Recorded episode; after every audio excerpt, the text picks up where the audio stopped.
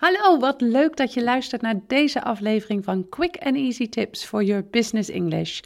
Deze keer wil ik het met je hebben over hoe je met gemak een Engelse presentatie geeft. Mijn naam is Anneke Panella-Drijver van Improve Your Business English en de auteur van het boek Master Your Business English: Communicate with Power in 7 Simple Steps. Ik help ondernemers en experts van hun middelbare school Engels af, zodat zij ook internationaal op professionele wijze met impact kunnen communiceren.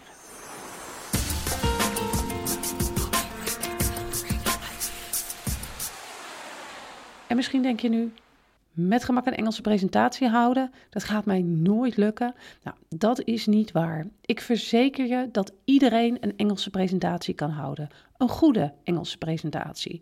Helaas gaat het natuurlijk lang niet iedereen gemakkelijk af. En daarom heb ik een aantal tips voor je die je gaan helpen om het probleem bij de basis aan te pakken. Jij kan ervoor zorgen dat de basis perfect is en de basis is het allerbelangrijkste. Ben je benieuwd? Luister dan goed naar deze zes tips voor het houden van een Engelse presentatie. Tip 1. Het begint allemaal bij een goede voorbereiding. Ik hoop niet dat je deze tip afdoet als cliché, want hoeveel opdrachten en adviezen beginnen er niet met het vertellen dat een goede voorbereiding het halve werk is. Toch wil ik je vandaag opnieuw vertellen dat het niet voor niets is dat deze tip ontzettend vaak voorbij komt. Natuurlijk weet jij hoe je een presentatie voorbereidt, maar denk jij in je voorbereiding bijvoorbeeld ook aan het feit dat je je Engelse woordkeuze moet aanpassen aan het publiek dat je straks voor je hebt zitten? Of heb je daar nog nooit over nagedacht? Ik zal je uitleggen wat ik bedoel bij een presentatie is het natuurlijk heel belangrijk dat al je toehoorders je begrijpen. Dit betekent dat als jij wilt dat een Engelse presentatie overkomt op de manier zoals jij het bedoeld hebt, je van tevoren een inschatting moet maken van het niveau waarop je luisteraars het Engels beheersen. Oftewel het niveau dat nodig is om ervoor te zorgen dat zij de presentatie zo goed mogelijk begrijpen. En daarom zul je dit of met je opdrachtgever moeten bespreken of hiervoor van een inschatting moeten maken. En vervolgens kun je aan de hand daarvan beslissen of je vooral makkelijk basisengels moet gebruiken, of dat je juist gebruik moet maken van specifiekere vaktermen, zodat je luisteraars precies weten waarover je het hebt. En dan is de volgende vraag: hoe schat ik mijn publiek dan in? stel je moet presenteren op een internationale conferentie met mensen die vanuit allerlei verschillende landen komen, dan zullen veel aanwezigen het Engels niet als moedertaal hebben en moet je dus niet al te moeilijke woorden gebruiken. Of als je weet dat je moet gaan presenteren voor alleen maar mensen binnen jouw vakgebied, kun je prima vakspecifieke termen gebruiken. Natuurlijk kun je niet alles weten over je publiek, maar gebruik de informatie die bekend is. En vergeet niet, het is altijd beter om eenvoudig Engels te gebruiken, terwijl het misschien ontzettend simpel klinkt voor professionals, dan moeilijk Engels te gebruiken dat de helft van de zaal niet begrijpt. Tip 2. Maak een goede eerste indruk. Nu we het over de voorbereiding hebben gehad, gaan we over naar het moment van de presentatie. Je weet dat de allereerste indruk die je maakt ontzettend belangrijk is. Probeer dan ook om er gelijk een goede start van te maken. Stel je het volgende voor. Je staat op het podium, het geroezemoes valt langzaam stil, de spotlight is op jou gericht en de openingsdia van je presentatie staat klaar. Waar begin je dan mee? Het is intent om te beginnen met het verwelkomen van het publiek. Dit doe je bijvoorbeeld als volgt. Good morning, ladies and gentlemen. Thank you all for coming today. I hope you had a pleasant journey. On behalf of the company, I would like to welcome all of you here today. Vervolgens ga je, als je je nog niet geïntroduceerd bent door een ander, over tot het voorstellen. Het is namelijk wel zo fijn voor jouw publiek als ze weten met wie ze te maken hebben. Ik zal drie zinnen met je delen die je kunt gebruiken om jou en je bedrijf voor te stellen. En voor deze voorbeelden zal ik mijn eigen naam en bedrijf gebruiken, die jij straks natuurlijk vervangt door jouw informatie. Nou, de eerste zin gaat als volgt. I would like to quickly introduce myself. I am Anneke Panella Drijver from Improve Your Business English. Een andere optie is I am Anneke Panella Drijver from Improve Your Business English and I'm looking forward to talk to you about presenting today. Of tot slot, for those of you who don't already know me, my name is Anneke Panella Drijver. I'm a business English coach as well as the founder of Improve Your Business English. Tip 3. Zorg voor een sterke opening. Oké, het verwelkomen is geweest en je hebt jezelf voorgesteld. De verplichte onderdelen, om het zo zomaar even te noemen, zijn achter de rug en het is eindelijk tijd om echt te beginnen. Wat is het belangrijkste op dit punt? Op dit punt moet je de aandacht weten te trekken. De verwelkoming en de introductie kun je zien als voorlopers op je presentatie. En nu gaat je presentatie echt beginnen. Hoe je nou echt een goede start maakt? Dit kun je bijvoorbeeld doen door te beginnen met een grappige anekdote, interessante gebeurtenis of een toepasselijke quote of grap. Er is zoveel te bedenken als je maar niet gelijk zakelijk begint met je verhaal. Zo'n korte introductie kun je beginnen met een zin als: Before I start, I would like to share a quick story about my own experience with this subject. Ben je nog niet helemaal comfortabel met het Engels of zie je er tegenop om direct te beginnen met een lange monoloog? Of lukt het je ondanks oefenen niet om het verhaal direct op een leuke en aantrekkelijke manier te vertellen? Dan kun je ook beginnen met een scherpe vraag, hè, die je toehoorders aan het denken zet over het onderwerp waar jij over gaat spreken. Dat is zo gedaan en zorgt er toch voor dat je toehoorders als het ware in je verhaal stappen. Tip 4.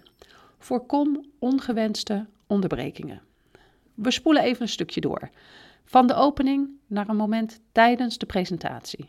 Stel je voor, je hebt de eerste tip goed opgevolgd en je Engelse verhaal tot in de puntjes voorbereid. Maar net als je er middenin zit, schiet er een hand omhoog in de zaal. Je kan de hand moeilijk negeren, wijst degene aan en beantwoordt netjes de vraag. Helaas zorgt deze onderbreking ervoor dat je niet meer lekker terugkomt in je verhaal. Ontzettend vervelend. Ook een tegenovergestelde kan plaatsvinden. Als je had gerekend op een interactieve presentatie, maar je krijgt geen enkele reactie uit het publiek, omdat zij dachten dat ze pas aan het eind van de presentatie mochten reageren. Zulke situaties wil je graag voorkomen, toch? onderbrekingen of het uitblijven van reacties, terwijl die wel nodig waren geweest voor het verloop van je presentatie, kunnen ontzettend lastig zijn. Hoe je dat oplost? Door van tevoren instructies te geven over het stellen van vragen. dit is iets wat veel mensen vergeten, eh, maar enorm veel impact kan hebben. Want vooral in het Engels is het misschien moeilijk om je goed te herpakken met het verhaal. Ik zal enkele manieren geven waarop je kunt aangeven hoe je met vragen om wilt gaan. I will try to answer all of your questions after the presentation. Feel free to interrupt if you have any questions. If you have any questions you would like to ask, please leave them until the end when I will be happy to answer them. Please feel free to respond to any questions I ask during the presentation. Tip 5. Wees zelfverzekerd. Deze tip klinkt misschien een beetje gek, maar ik wil je dit meegeven. Wees zelfverzekerd, of tenminste probeer het. nu denk je misschien, hoe dan? iets waarover je snel onzeker kan zijn bij een Engelse presentatie is de uitspraak. Als je je onzeker voelt over je uitspraak, is er grote kans dat je je niet comfortabel zult voelen op het podium. Gelukkig zijn er een paar manieren om je uitspraak te verbeteren, op mijn blog vind je hier uitgebreide artikelen over, maar voor nu heb ik er even één punt uitgevist. Het kan heel erg helpen om je eigen stem op te nemen en vervolgens terug te luisteren. Confronterend, zul je denken. En of. Maar daar moet je je even overheen zetten. Je wilt een goede uitspraak en je gaat eraan werken. Luister de opname terug en noteer bij welke woorden of welke soort woorden het fout gaat. Vergelijk vervolgens je opname met de uitspraak van een native speaker om te controleren waar jullie verschillen. Ook kan het helpen om feedback van iemand anders te vragen. Een ander herkent namelijk vaak fouten waar je jezelf niet bewust van bent. Tip 6. Zonder spiekbriefje. Wil jij presenteren zonder spiekbriefje of aantekeningenlijstje? Maak dan gebruik van kernwoorden. Als jij je presentatie baseert op bijvoorbeeld acht simpele kernwoorden en deze telkens herhaalt, is de kern van je presentatie onmisbaar. Daarnaast onthoud je zelf precies wat de belangrijkste onderwerpen van je presentatie zijn en is het voor het publiek handiger om de presentatie te onthouden. Natuurlijk kunnen het ook kernzinnen of kernonderwerpen zijn, als ze maar eenvoudig te onthouden zijn. Dit waren ze, mijn zes tips voor jou, zodat je binnenkort een fantastische presentatie kunt geven in het Engels. Ik zal ze nog één keer voor je op een rijtje zetten. Tip 1. Bereid je goed voor. Onder andere door je in je publiek te verdiepen. Tip 2. Vergeet niet je publiek te verwelkomen en jezelf te introduceren. Tip 3. Begin je presentatie met een grapje of een andere sterke opening. Tip 4. Geef aan of en wanneer je toehoorders vragen mogen stellen. Tip 5. Wees zelfverzekerd. Oefen desnoods je Engelse uitspraak van tevoren. Tip 6. Gebruik kernwoorden in plaats van een spiekbriefje. En dit waren mijn tips. In de volgende podcast wil ik het met je hebben over apps om je Engels te verbeteren. Handig voor op vakantie of op reis. See you next time with quick and easy tips for your business English.